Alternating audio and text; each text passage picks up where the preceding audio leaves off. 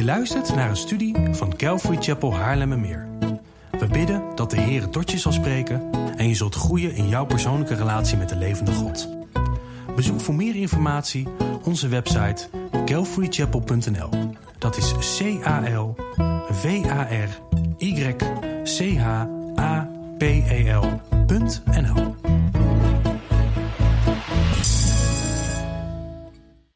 Ehm, goedemorgen, nogmaals hartelijk welkom de Calvary Chapel.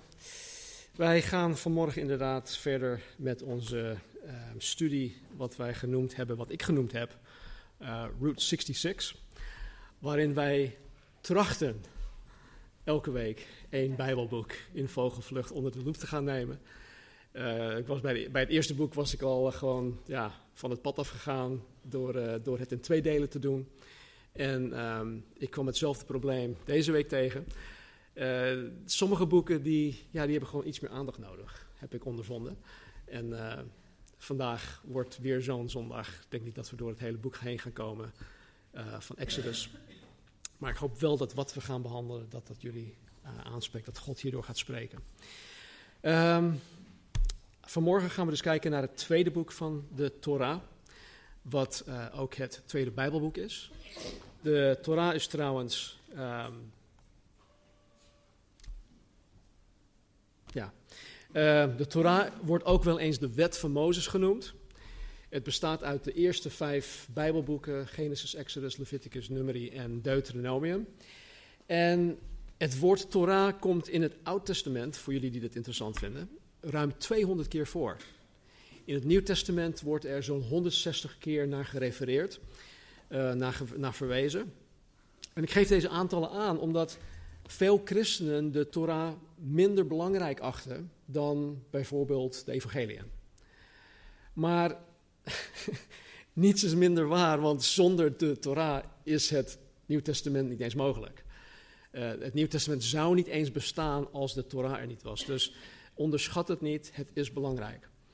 Nou, Exodus is een eh, verhaal, oftewel het is een vertelling van alles dat God gedaan had om het volk Israël te verlossen uit de slavernij in Egypte.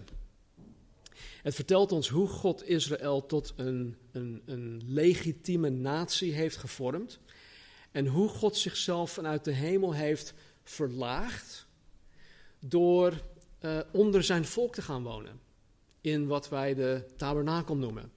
En hij heeft het gedaan omdat God, net zoals hij met Adam in de hof van Eden heeft gewandeld, wilde hij per se onder de mensen zijn. Dus hij heeft dit plan bedacht om onder de mensen te wonen in de tabernakel. En dat zien wij waarschijnlijk pas volgende week. Nou, het woord Exodus komt voort uit de Griekse taal.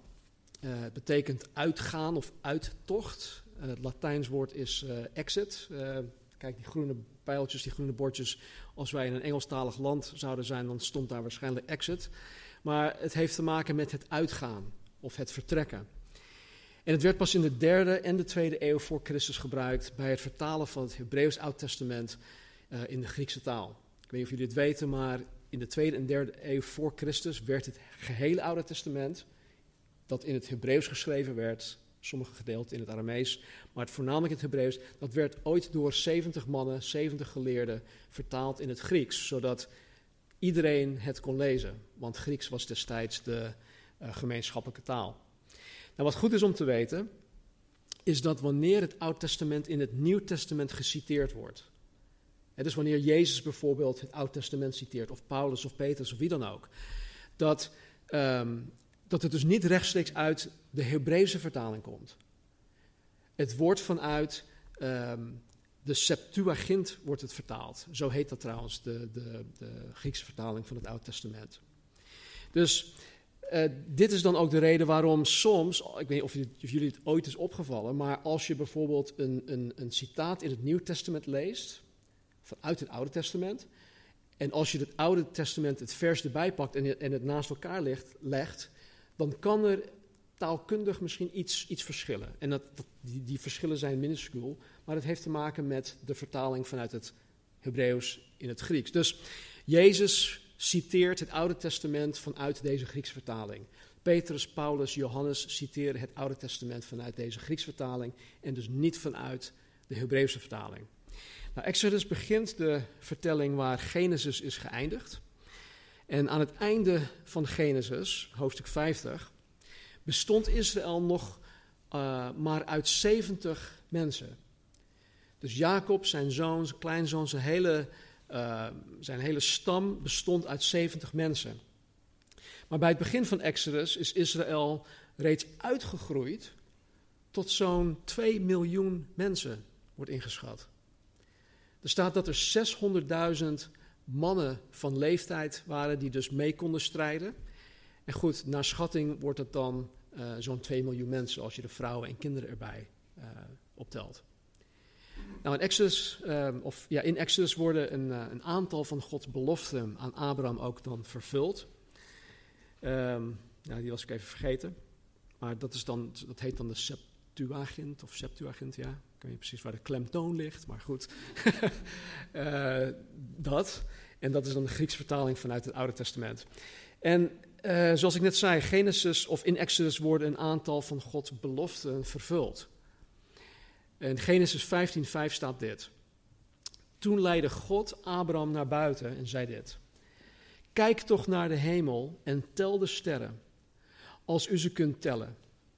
En God zei tegen hem, zo talrijk zal uw nageslacht zijn. Dus toen God op dit moment deze belofte aan Abraham gaf, had, had Abraham nog geen één kind. Hij was al op leeftijd. Er was eigenlijk al nog geen hoop om überhaupt een kind samen met, met Sarah te krijgen. Hij had geen kind en God gaf hem deze belofte. En nu, in, in Exodus, uh, zien wij dat zijn nageslacht uitgegroeid is tot zo'n 2 miljoen mensen. Volgende was in Genesis 15, 13.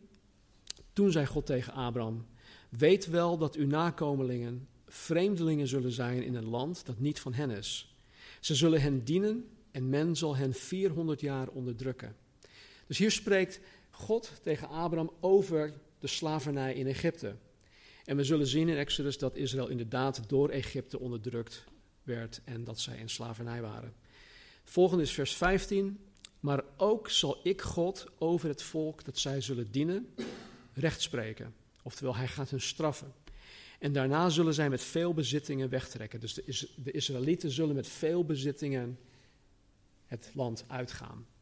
En hier voorspelt God al dat hij de farao en alle Egyptenaren en hun goden zal gaan straffen. En dat Israël met veel bezittingen het land zal uitgaan. En dit is echt tot aan de, de kleinste puntjes is dit gewoon door God vervuld. En het laatste is dan in vers 17, sorry, hoofdstuk 17, vers 7. Ik zal mijn verbond maken tussen mij, zegt God, u en uw nageslacht na u, al hun generaties door, tot een eeuwig verbond, om voor u tot een God te zijn en voor uw nageslacht na u. En dit zien wij dan uh, tot vervulling komen wanneer God zijn verbond met Mozes en met Israël opnieuw vaststelt door hen op de berg Sinaï uh, de, wet de wet te geven. Nou, in Exodus komen wij Mozes tegen. Wij komen de tien plagen tegen in Egypte. Uh, wij komen het Pascha tegen, of het paaslam, het paasfeest. We komen de Schelfzee tegen. We komen de tien geboden tegen, de wet en de tabernakel. Maar ondanks al deze dingen heeft, het, um, heeft Exodus het hoofdthema. En dat is dat de mens Gods verlossing, Gods redding nodig heeft. Dat is, dat is het hoofdthema van het boek Exodus. De mens heeft Gods redding, Gods verlossing nodig. En dit komt heel duidelijk naar voren door, uh, onder andere door Israëls slavernij. Uh, Israël kon er zelf totaal niets aan doen om zichzelf uit die slavernij te redden. En ze hadden hiervoor God de verlosser nodig. En we zullen zien dat God dat ook inderdaad heeft gedaan. Israël kwam ook onder de vloek van de tiende plaag. Ik weet niet of jullie dit ooit, of je er ooit bij, bij stil hebt gestaan dat het dus niet alleen voor de Egyptenaren was, maar ook Israël kwam onder de vloek van de tiende plaag. En dat is dan dat, er, dat God de eerstgeborenen uit elk huishouden trof met de dood. Dus niet alleen de, de, de, de mensen, maar ook de, de, de dieren. En Israëls enige redding was het vergoten bloed van het paaslam. En dat was het enige wat hen kon redden van de dood van hun eerstgeborenen, om die dood te ontsnappen. Het was niet zo dat Israël een soort van vrijkaart kreeg of een vrijbrief kreeg dat hey, je bent Israëliër, dus je, je ontsnapt de dood. Nee, Israël moest ook meedoen aan het vergieten van het bloed van het lam. We zien de noodzaak van een verlosser in de wet van Mozes, we zien het in de tabernakel. Omdat geen enkel persoon zich aan de wet kan houden, niemand, wij ook niet, hebben de mensen een manier uh, van boetedoening en van verzoening nodig. En God heeft daarin voorzien door het offersysteem. We hebben de afgelopen maanden hebben we eh, heel lang gekeken naar het offersysteem in het, in het boek Leviticus, wat we volgende over twee weken gaan, gaan uh, behandelen. Maar het, het offersysteem verwijst allemaal naar Jezus Christus. En wat we, wat we zullen zien in, Leviticus is dat um, Leviticus is, is, als je als het Nieuw-testamentisch uh, tegenhanger wil zien, dan moet je Hebreeën gaan lezen. Want Hebreeën legt heel veel van uh, Leviticus uit. Trouwens, als je het verhaal uit Exodus um, in, op, in, een hele beknopte versie wil lezen, moet je Handelingen hoofdstuk 7 lezen. Dat is de, de toespraak van Stefanus. En daarin geeft hij, in, in, in, ja, in, misschien in een paar alinea, geeft hij weer wat God met Israël tijdens de Exodus heeft gedaan. Dus ik had eigenlijk gewoon hoofdstuk 7 van Handelingen moeten lezen. um, nee, maar goed, als je dat wil, dan, dan is dat echt, echt handig. Um, dus God heeft um, uh, het systeem van boetedoening, verzoening, heeft hij, heeft hij in het leven geroepen door het offersysteem, waarin het, het onschuldige, hè, want moet je, moet je even nadenken, je hebt een klein lammetje, die dingen zijn zo schattig als ik weet niet wat. En ik denk dat een konijntje misschien nog iets schattiger is, maar een, een, een, een klein lammetje, dat, dat je dat moet slachten om je eigen zonde. En de vraag is vaak van, ja, maar wat heeft zo'n zo'n lam dan gedaan om geslacht te worden? Dat is precies wat, wat wordt bedoeld met Jezus Christus. Wat heeft Jezus nou gedaan om gekruisigd te worden? En dat is dan hetzelfde beeld. Nou, Exodus behelst een periode van zo'n 82 jaar. En je kan het uh, boek heel goed uh, onderverdelen in drie delen. Uh, Israël in Egypte, Israël op weg naar de Sinaï en Israël in Sinaï, in de woestijn. En in Genesis 12 zien wij dat God Abraham verkoos om God te kennen. Het was een eenzijdig iets. God in zijn soevereiniteit zei: Hem wil ik hebben, Hem wil ik uh, leiden, Hem wil ik zegenen, Hem wil ik kiezen om mij te kennen en mij te dienen. En tegelijk gaf, Abraham, of God, gaf God Abraham een aantal beloftes. Eén was dat God hem land zal geven. Land dat God hem wijzen zal, want hij wist niet waar het land was. Twee is dat God hem tot een groot volk of tot een natie zal maken. En drie was dat uit dit volk de verlosser, de redder, de Messias, Jezus Christus, die God in Genesis 3 al had beloofd, dat hij um, uit dit geslacht, dit, dit, dit volk zou voortkomen. En deze belofte werd vervolgens doorgegeven aan de zoon van Abraham, Isaac. Het werd doorgegeven aan zijn zoon Jacob, wiens naam God veranderde in Israël. En in Exodus zien we dat deze belofte uiteindelijk doorgegeven wordt aan Mozes en uiteindelijk aan het volk of de, na de natie Israël. Nou, er staat in uh, Exodus hoofdstuk 1, vers 1 tot en met 7, als je Bijbels bij je hebt. Trouwens, uh, er liggen wat leenbijbels daar op de, bij Marcel. Dus als je een Bijbel wil lenen, dan uh, moet je die even pakken. Exodus 1, vers 1 tot en met 7. Dit nu zijn de namen, of sorry, de namen van de zonen van Israël, die met Jacob naar Egypte waren gekomen. Dus dit is vanuit Genesis hoofdstuk, uh, dat verhaal uit Genesis. Iedere kwam er met zijn gezin. Dit zijn de zonen van uh, Jacob: Ruben, Simeon, Levi, Juda, Issachar, Zebulon, Benjamin, Dan, Naphtali, Gad en Azer. Alle zielen die van Jacob afstamden waren 70 zielen. Jozef was echter al in Egypte. En toen Jozef gestorven was en ook al zijn broers en heel die generatie, werden de Israëlieten vruchtbaar en breidden zich overvloedig uit. Ze werden talrijk en uitermate machtig zodat het land vol van hen werd. Nou, doordat die, die hele generatie van, jo, van Jozef um, reeds gestorven was, en dat staat eigenlijk ook in vers 8, kende niemand op dit moment uh, het verhaal van Jozef meer. De mensen die op dat moment regeerden, wisten niet meer van wie wist deze Jozef eigenlijk. Ze kenden hem niet meer. En omdat Israël zich in grote aantallen had vermenigvuldigd, vormde Israël op dat moment een, een bedreiging voor de leiders van Egypte. Ze hadden gewoon heel goed door, kijk, kijk wat die Israëlieten allemaal, aan het doen zijn. Uh, ze zijn vruchtbaar, ze, ze vermenigvuldigen zich, ze hebben heel veel bezit. En dan om dat dreigement, dreigement tegen te gaan, bedachten zij een vorm van, van genocide, eh, volksmoord, om eh, ja, Israël uit te gaan roeien. En dit was het plan. De koning van Egypte droeg vroedvrouwen op om alle Hebreeuwse jongens die bij hun geboorte te vermoorden. Dus je hebt een, een, een, een, een, een Israëlische vrouw, een Joodse vrouw, een Hebreeuwse vrouw, die gaat baren, die krijgt een zoon, de vroedvrouw moet dat kind op dat moment vermoorden. Dat was de opdracht. Maar ze deden dat niet. En ze, ze, ze, ze, vertrouwden God dat God hun daarin ook zou, zou beschermen. En God heeft het ook gedaan. Ze werden steeds talrijker, ondanks wat uh, de koning tegen hun gezegd had. En ze deden dat uiteindelijk, of ze, ze wilden dat doen uiteindelijk, om um, Israël uit te roeien. Maar goed, het lukte hun niet, want God had een plan met Israël. En dan vanaf hoofdstuk 2 tot 4 uh, komen wij Mozes voor het eerst tegen. Zijn geboorteouders waren Levieten, dus uit de stam van Levi. Maar omdat alle jongens bij hun geboorte gedood moesten worden, verborgen zij, dus de ouders, Mozes tot hij ongeveer een maand of drie oud was. Eh, totdat hij niet langer geborgen of uh, verborgen kon blijven.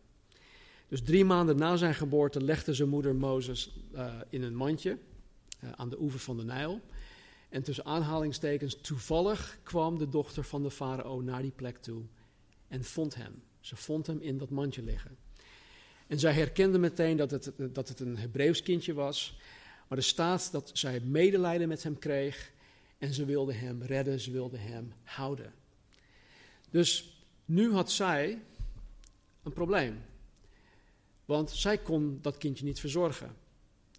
En de oudere zus van Mozes, die stond dan ergens in de struiken een beetje toe te kijken. En um, ze zag wat er gaande was. En wat gebeurt er? Die zus, Miriam, die zegt tegen de dochter van de farao: hey, ik kan je hierbij helpen. Zal ik een, een vrouw vanuit de Hebreërs uh, zoeken die, die voor dat kindje kan zorgen? Ja, prima, natuurlijk, doe dat maar. Dus wat gebeurt er? Miriam die zoekt dan, of die gaat naar de moeder van Mozes, de geboortemoeder van Mozes. Dat kindje wordt overgedragen vanuit de dochter van Farao aan zijn eigen moeder. En de moeder mag dan voor haar eigen kind weer zorgen. En ze krijgt er ook nog eens voor betaald. Dus dat is, dat is weer zo'n gigantisch wonder dat God kan verrichten, ondanks dat het er heel um, ja, hopeloos uitzag. Dus um, even kijken hoor. Dus nadat uh, Mozes uh, gespeend was, werd hij aan de dochter van de farao gegeven. En vanaf dat moment genoot Mozes uh, van een, ja, een koninklijke opvoeding. Uh, van een opleiding aan zeg maar, de beste scholen in die tijd. En hij werd uh, um, voorbereid of klaargestoomd als de prins van Egypte. En moet je, moet je nagaan. God gebruikte het koninklijk huis van Egypte om zijn toekomstige dienaar, Mozes, op te leiden en klaar te stomen voor de taak dat God voor hem in petto had. Het was niet voor niets dat, dat Mozes al die tijd in het koninklijk huis heeft gezeten. Hij heeft heel veel meegekregen en hij heeft dit ook kunnen gebruiken tot dienst van God. Nou, vanaf vers 11 in hoofdstuk 2 is Mozes reeds een volwassen man geworden. Hij is zo'n uh, eh, 40 jaar oud. En op dat moment besluit hij om zich, uh, sorry, om, om zijn Egyptisch pleeggezin als het ware te verlaten en te verlogenen. En wat doet hij? Hij doet dat omdat hij ervoor kiest om de God van Israël te gaan dienen. Dat staat niet hier in Exodus, maar dat staat in Handelingen hoofdstuk 7. Nou, op een gegeven moment ging hij dus naar zijn Hebreeuwse broeders toe, die eh, op dat moment dwangarbeid uitoefenden. Een van de Egyptenaren die sloeg een van de Hebreërs, want ze waren slaven. Mozes die, die, die kon dat niet aanzien. En wat deed Mozes? Hij sloeg de Egyptenaar dood. En hij begroef hem in een, ja, onder wat zand. En dus, dus Mozes had als volwassen man een bewuste keus gemaakt om de God van Israël te gaan dienen in plaats van de afgoden van Egypte. En hij besefte dat alles dat Egypte, oftewel de wereld hem te bieden had, niets was in vergelijking met wat God hem te bieden had. Vergeet niet, hij was uh, eerst, hij kreeg een stukje opvoeding van zijn, van, zijn, van zijn geboortemoeder mee. En hij vast wel het een en ander over de Hebreërs gehoord tijdens zijn opvoeding uh, in het koninklijk huis. Dus hij koos ervoor op dat moment om naar zijn Hebreeuwse broeders toe te gaan, om een beetje te, ja, te zien hoe het, hoe het eraan toe ging, om te polsen hoe het met de Hebreërs ging. En dus de keus om God te gaan dienen was goed, alleen de manier waarop Mozes dat deed, dat was totaal fout. Hij sloeg iemand dood. Dat, dat wil God niet, dat, dat doe je gewoon niet. En ik weet, ik weet dat, ja, uh, dat Mozes, vanuit Handelingen 7:25 weet ik dat hij al iets van Gods roeping had kunnen onderscheiden. Want um, in Handelingen 7 staat dat Mozes op dit moment dacht dat zijn Hebreeuwse broeders zouden begrijpen dat God Israël door zijn hand verlossing zou geven. Maar ze begrepen het niet. Want de eerstvolgende dag nadat is uh, nadat Mozes die uh, Egyptenaar had doodgeslagen, kwam hij weer terug bij die broers en die zag hij ineens twee, twee Hebreërs uh, vechten met elkaar. En dacht van, jongens, wat, wat doen jullie nu? nu? Waar jullie, zijn jullie mee bezig? we're on the same team. Waarop een van de Hebreërs tegen Mozes zei, wat, ga je ons dan ook doodslaan? En toen dacht hij van, oh nee joh, het, het, is, ja, ik, ik, ik, moet nu weg, want het is nu over, overal bekend. Dus Mozes trachtte zijn Hebreeuwse broeders te helpen, maar hij deed dat in eigen kracht. En het gevolg daarvan was dat hij nu een voortvluchtige moordenaar werd.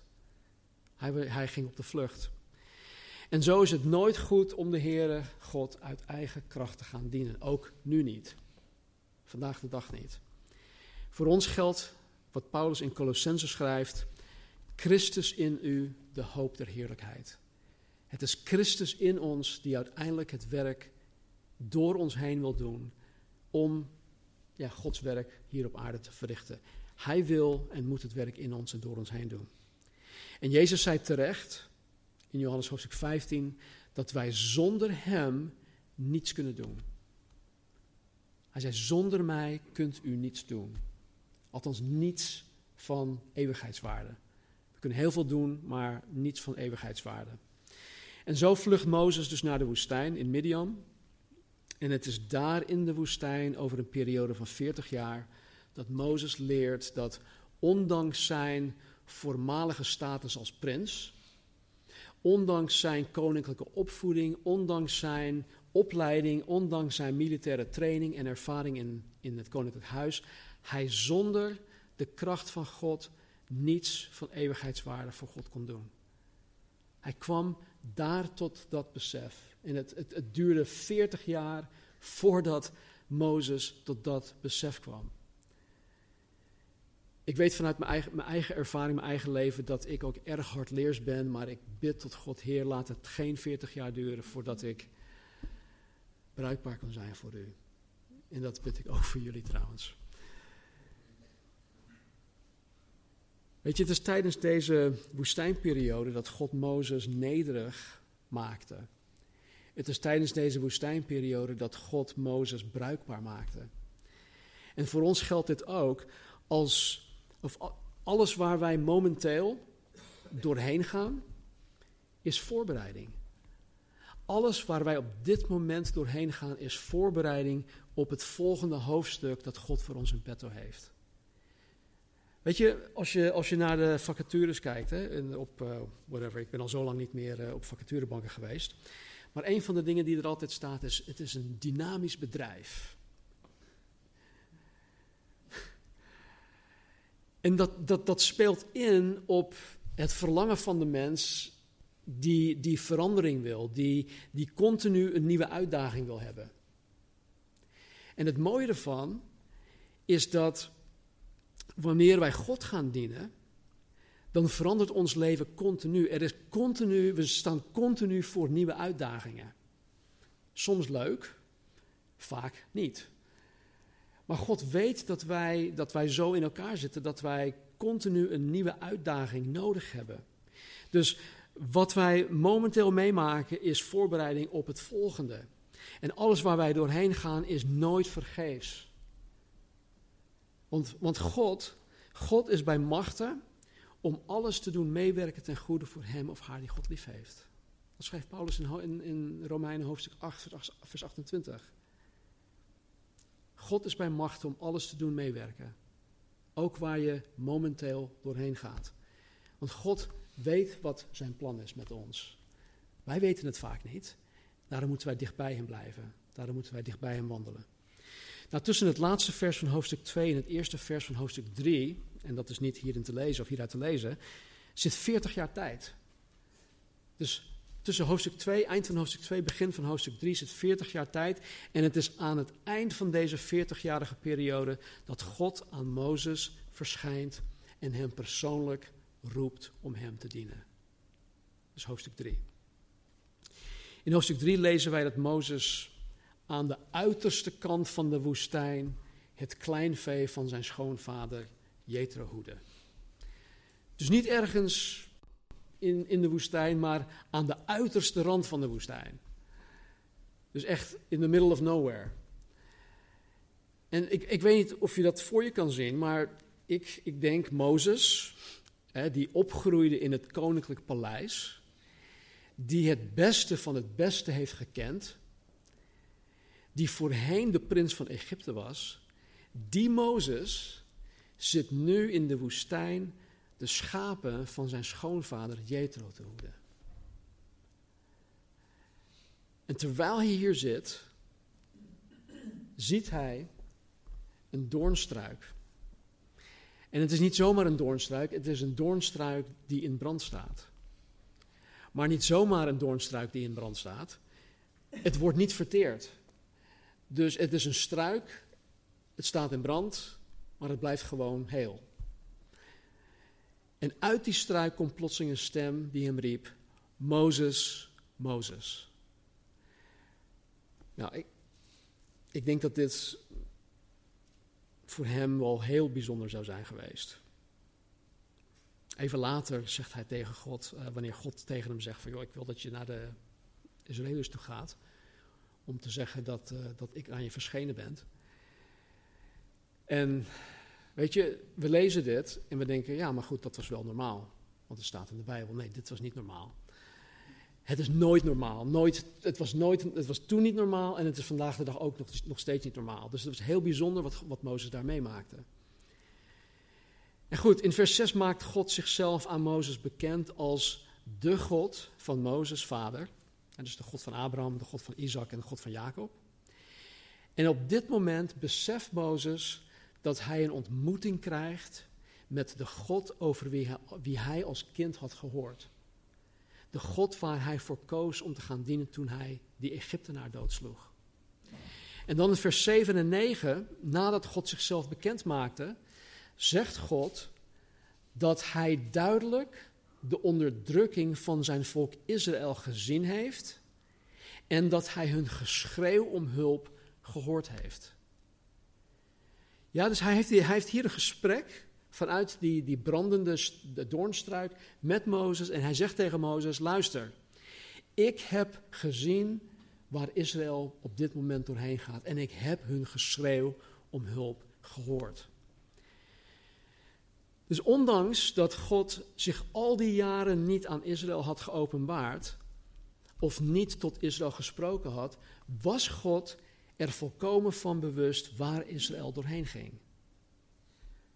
En God had niet alleen gezien en gehoord, God had ook een plan om hen uit Egypte te gaan redden en hen te leiden naar een land dat overvloeit met melk en honing.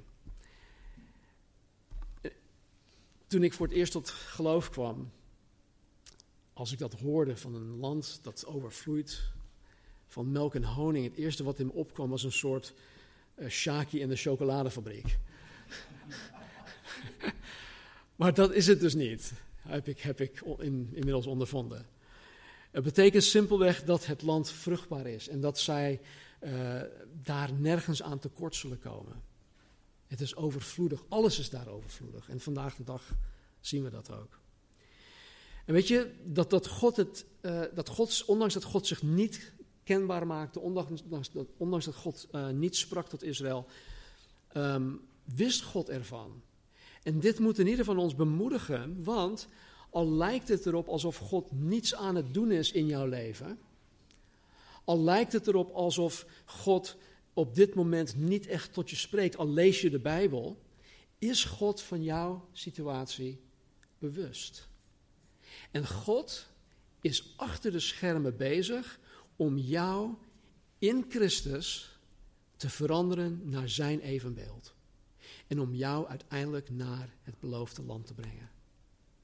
Kijk, het beloofde land voor Israël was een fysieke plaats. Voor ons, vanuit het geestelijk oogpunt, is het beloofde land een, een kind te worden van God door ons geloof in Jezus Christus. Maar uiteindelijk is het beloofde land ook openbaring hoofdstuk 21 en 22. Nieuwe hemel, nieuwe aarde, waar we allemaal naar uitkijken. Nou, ik kan me voorstellen dat Mozes op dit moment ook gewoon hartstikke blij was.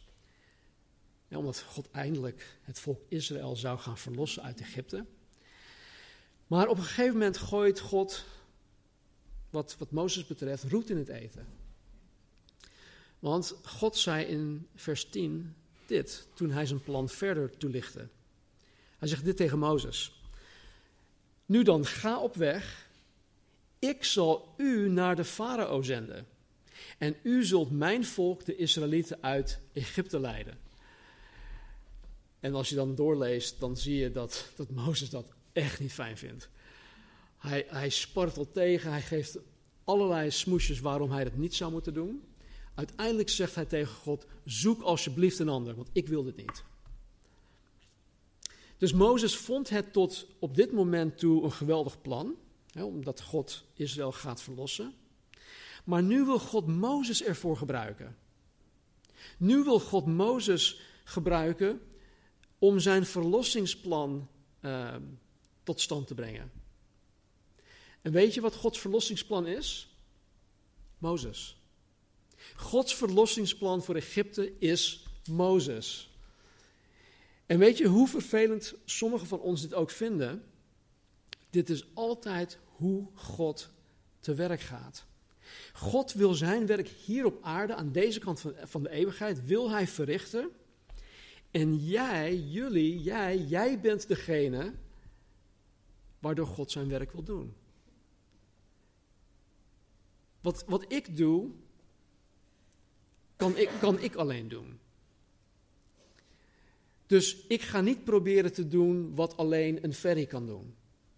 Waartoe God Ferry geroepen heeft, of waartoe God Kim geroepen heeft. Ik ben door God gemaakt zoals ik ben en God wil mij gebruiken zoals ik ben. En dat geldt voor een ieder van ons. Dus Gods werk wil Hij hier verrichten door, door jou, door jullie en door mij. En ik je wel zeggen, ja, maar daar ben jij toch voor, Stan? Jij bent de voorganger en jij doet Gods werk. Ik kom alleen zondags naar de dienst. En voor de rest vind ik het wel prima zo. nee. nee, zo werkt het niet. Zo werkt het echt niet. Zo hoort het niet te werken. Ik weet wel dat in, veel, vele gevallen dat het wel zo is. Want ook hier is het een minderheid die heel veel van het werk verricht. En de meerderheid die, um, die doet wat minder. En het is denk ik gedeeltelijk mijn taak, het is uiteindelijk de taak van de Heilige Geest, om jullie dan over die streep te trekken, om ook mee te dragen en mee te bouwen. En daarom denk ik, is wat Casper ook zegt, heel belangrijk. Bid tot God dat Hij jou laat zien welke geloofstappen je moet gaan zetten. En een geloofstap is niet per se van, oh, um, moet ik vandaag naar de Albert Heijn toe of niet? Nee, het is van, heren, wat kan ik nu doen om u in uw koninkrijk, in de plaatselijke kerk te gaan dienen?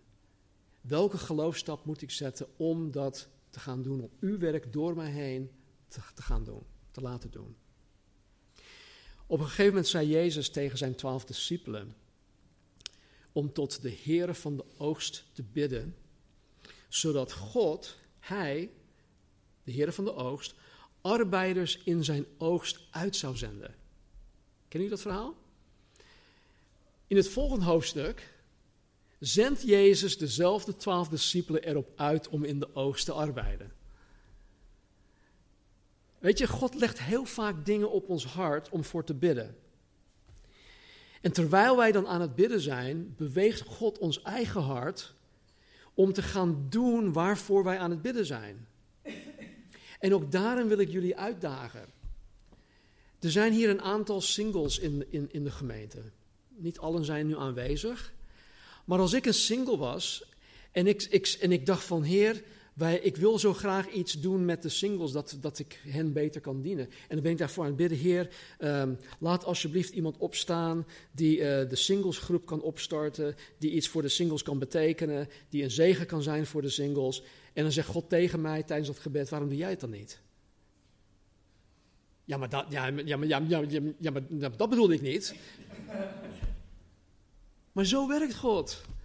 Als God een, een last op je legt, een lichte last trouwens, want zijn last is licht en zijn juk is zacht.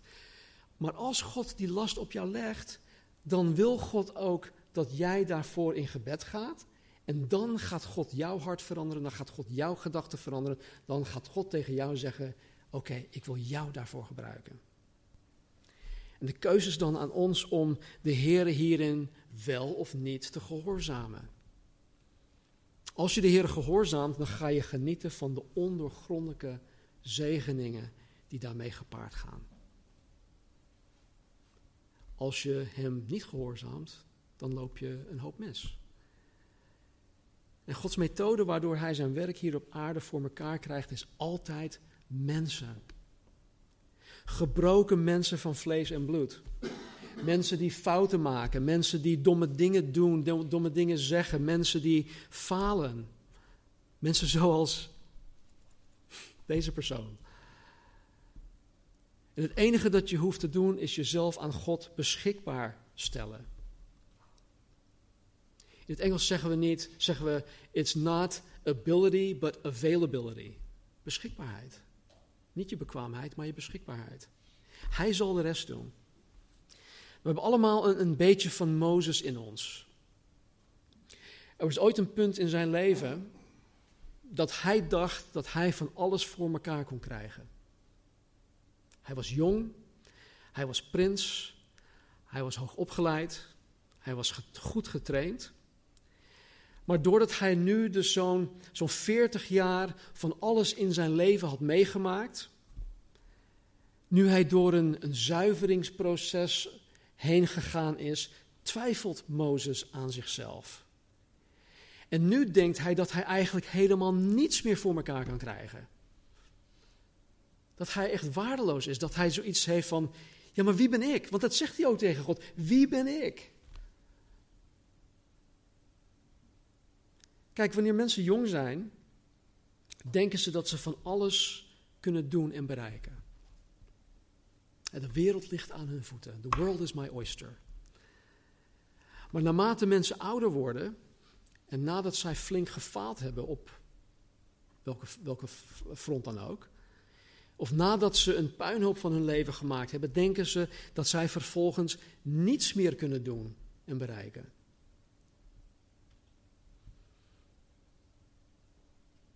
En zo zat Mozes ook in zo'n levensfase, waarin hij dacht dat hij niets en niemand wat te bieden had.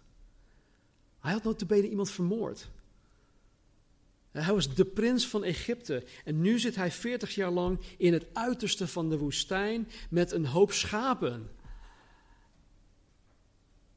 Als Egyptenaar, als prins van het koninklijk huis, raakte hij een schaap niet eens aan. Hij kwam niet eens in de buurt van een schaap. Nu zit hij gewoon onder de schapen. Hij droeg waarschijnlijk ook schapenvacht.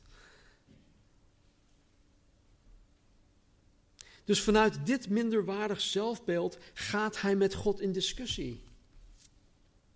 En in vers 11 zegt Mozes tegen God: Wie ben ik dat ik naar de farao zou gaan en de Israëlieten uit Egypte zou leiden? Wie ben ik?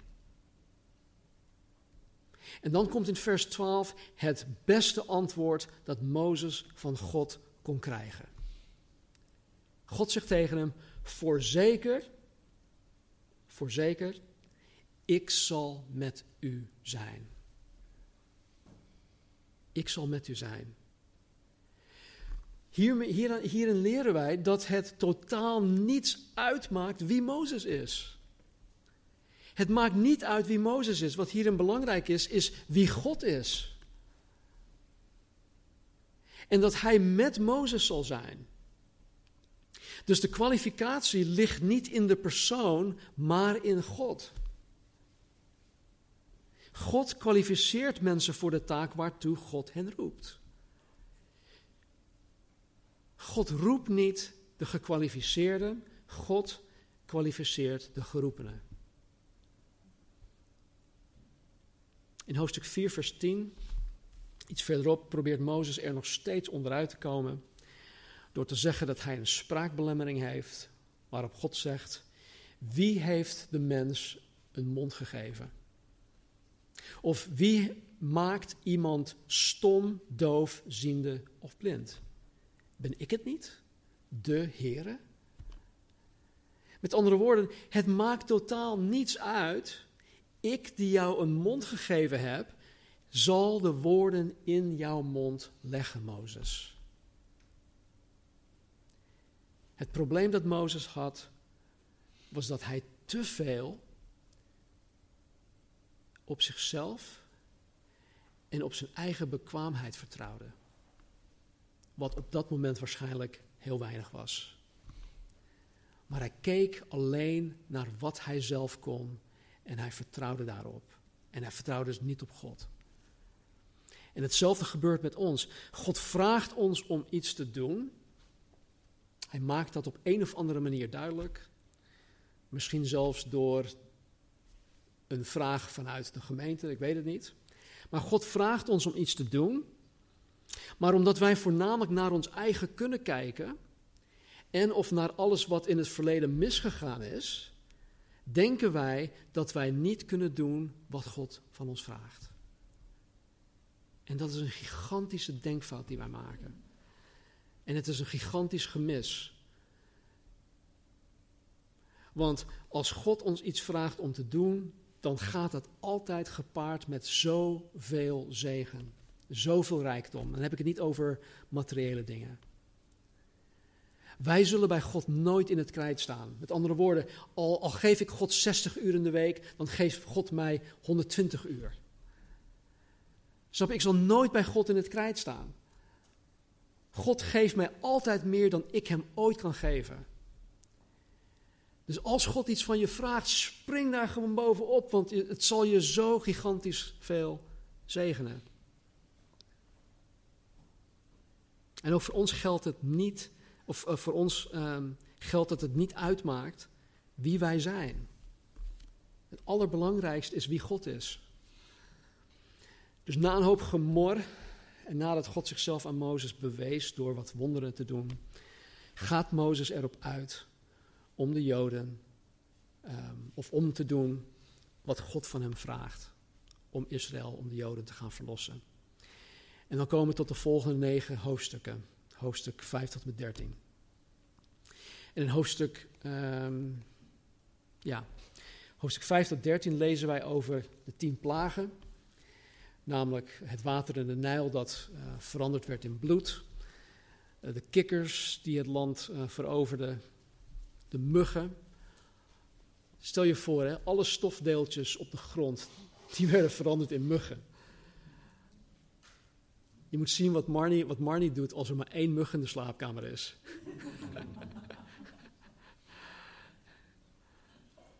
Steekvliegen, veepest, waardoor alle dieren en het vee um, omkwamen.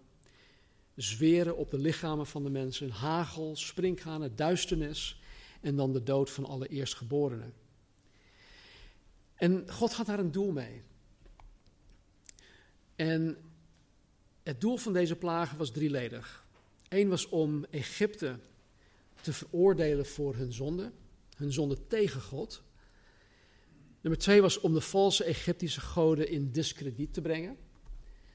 En drie was om de enige weg van redding of verlossing aan Israël bekend te maken. Nou, als je, als je door die plagen heen leest, als je ze tegenkomt, dan zou je jezelf kunnen afvragen: waarom zijn er tien plagen? Waarom zijn er tien plagen? Blijft God dingen net zo lang uitproberen om de farao over te halen totdat het hem lukt? Nee, natuurlijk niet. Ieder van de eerste negen plagen was een aanval op een bepaalde God die door de Egyptenaren werd aanbeden. En de boodschap was heel simpel. De God van de Hebreeën is veel sterker, veel machtiger dan alle goden van de Egyptenaren bij elkaar. En geen van deze negen plagen waren bedoeld om Israël te verlossen. Dus de eerste negen keer wist God al van nee, dit, dit gaat hem niet worden. Maar dat was het doel ook niet.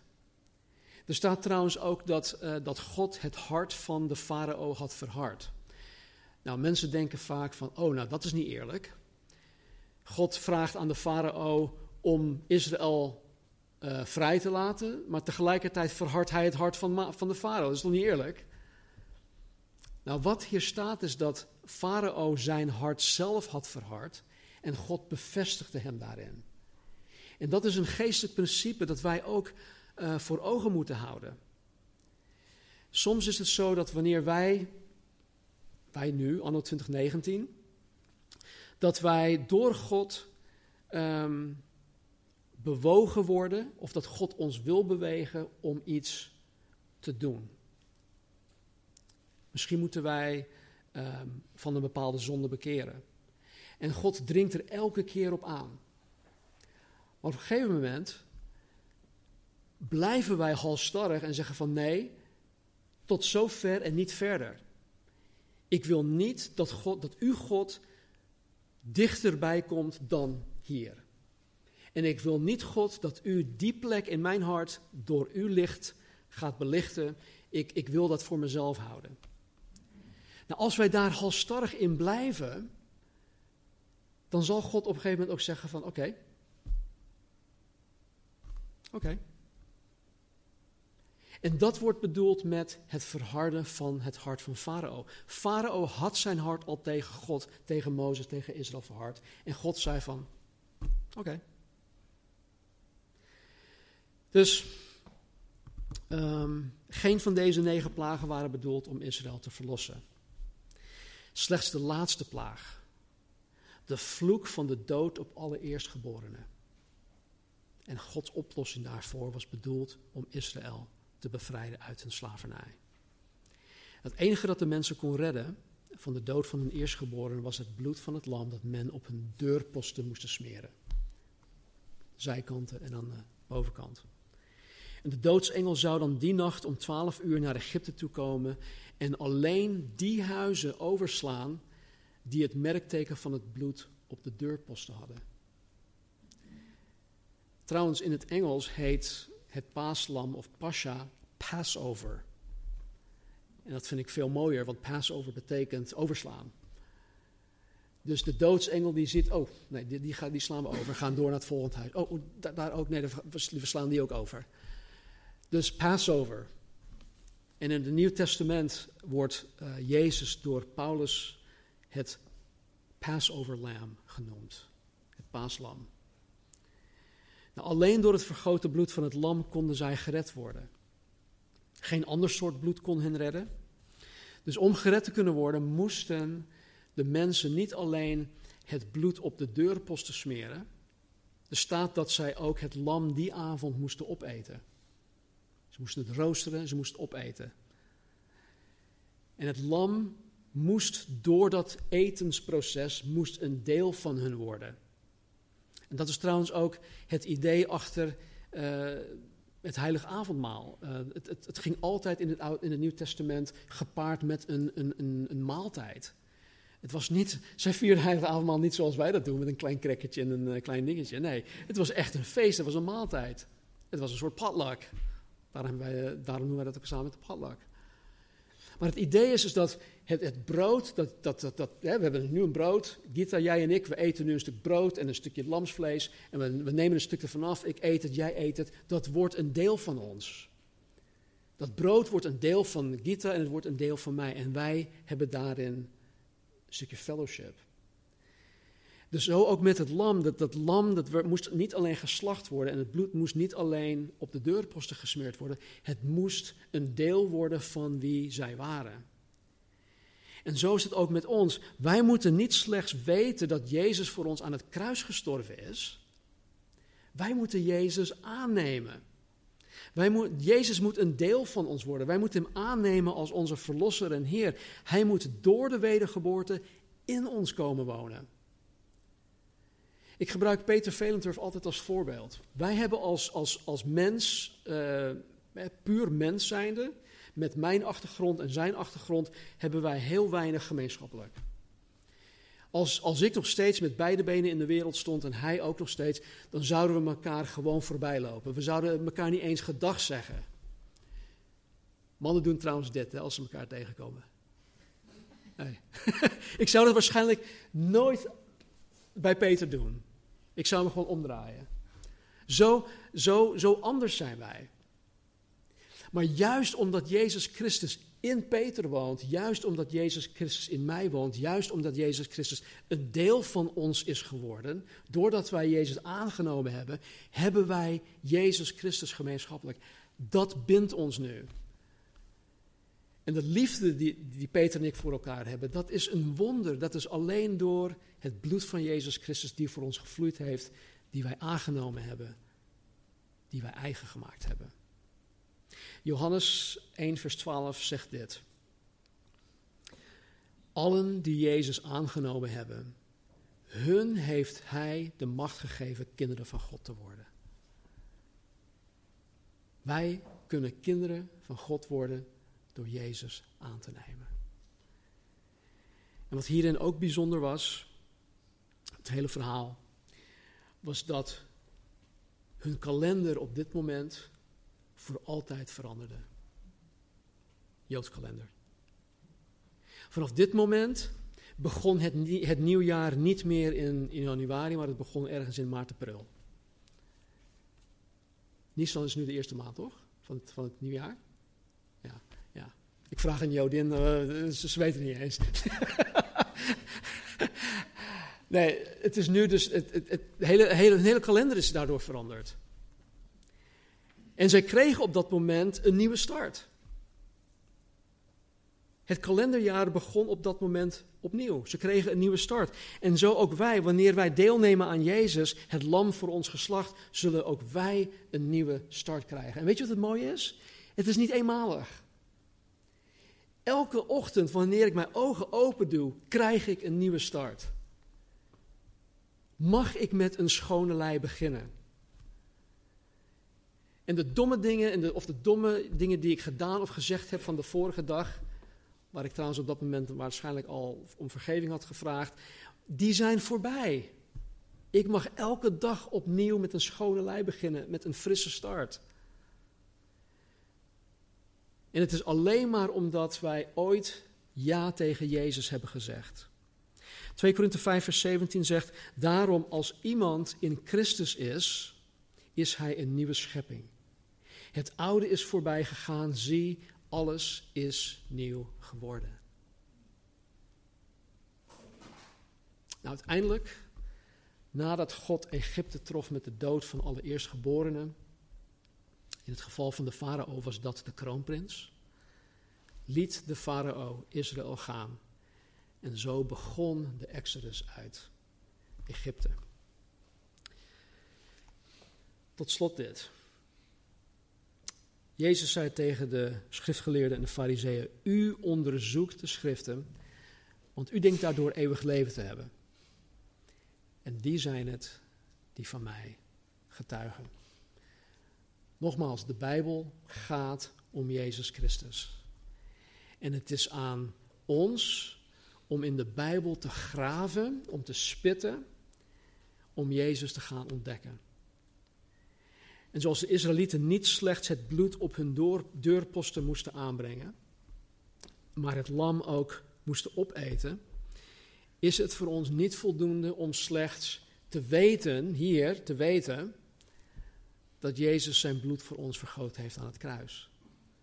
Wij moeten bewust voor Jezus kiezen en Hem aannemen als onze Verlosser en Heer. Hij moet door onze wedergeboorte in ons komen wonen. En ik weet het, als mens zijn wij, um, what's the Dutch word for procrastinator? Ja, mensen stellen dingen uit. Wij stellen altijd dingen uit. Maar God zegt dit. Wanneer de tijd daarvoor gekomen is, luister ik naar je. Op de dag van de redding help ik je. Nu is de tijd daarvoor gekomen. Nu is de dag van de redding. Dus als je Jezus op dit moment nog niet aangenomen hebt, als je nog geen ja tegen Hem gezegd hebt, als Hij nog steeds niet in jou woont, nu is de dag van de redding. Laten we bidden. Hemelse Vader, dank u wel dat u zo geweldig goed bent om ons te willen redden. Dank u wel dat u zo ver gegaan bent om Jezus naar ons toe te sturen. En dat het evangelie dat in Genesis 3 al werd aangekondigd, Heer, door de millennia heen tot ons is gekomen. Wat een gigantisch wonder is dat. En Heer, dank u wel dat u mij gered hebt, dat u ons gered hebt. Wij die u navolgen. Dank u wel dat u, Jezus, ermee instemde om uw glorie, uw heerlijkheid af te leggen. Om onder de mensen te komen wonen. Om een kwetsbaar mens van vlees en bloed te willen worden. En niet om hier op aarde plezier te hebben. zoals zoveel mensen alleen maar op geluk uit zijn. Heer, u kwam hier op aarde met een doel en dat is om voor ons als het paaslam gekruisigd te worden, geslacht te worden. Voor onze zonde, het onschuldige voor de schuldige. En zoals iemand ooit kan zeggen over dat schattig lammetje. Maar wat heeft hij nou gedaan om te verdienen dat hij geslacht wordt? het antwoord is natuurlijk helemaal niets. En zo is het ook met u, Jezus, dat u helemaal niets gedaan heeft om gedood te worden. Maar u had ons op het oog. En ik dank u, Heer, dat u zo persoonlijk bent dat, ik, dat wij zelfs kunnen zeggen: U had mij op het oog toen u naar het kruis ging. Dus Heer, ik dank u voor uw offer. Dank u voor uw woord in Exodus vanmorgen. Beweeg een ieder ertoe om Exodus deze week te gaan lezen. Om alle rijkdommen er zelf uit te gaan halen, om te gaan graven. Eerder, want vanmorgen hebben we slechts een aantal ja, punten gehighlight. Dus beweeg ons ertoe, geef ons de motivatie, de moed, de tijd, de discipline om deze week Exodus te lezen. Zodat wanneer we het volgende week oppakken, dat, uh, ja, dat we meer kunnen weten waar het over gaat. Dus vader, zegen en ieder. U weet hoe we hier naartoe gekomen zijn. Met welke gedachten. Met welke ja, gemoedstoestand. Kom in ieder van ons tegemoet. En help ons. We kunnen niets zonder u. Heer, dat beamen wij. En daarom vragen wij u om hulp. Tot eer glorie van uw naam. In Jezus' naam. Amen.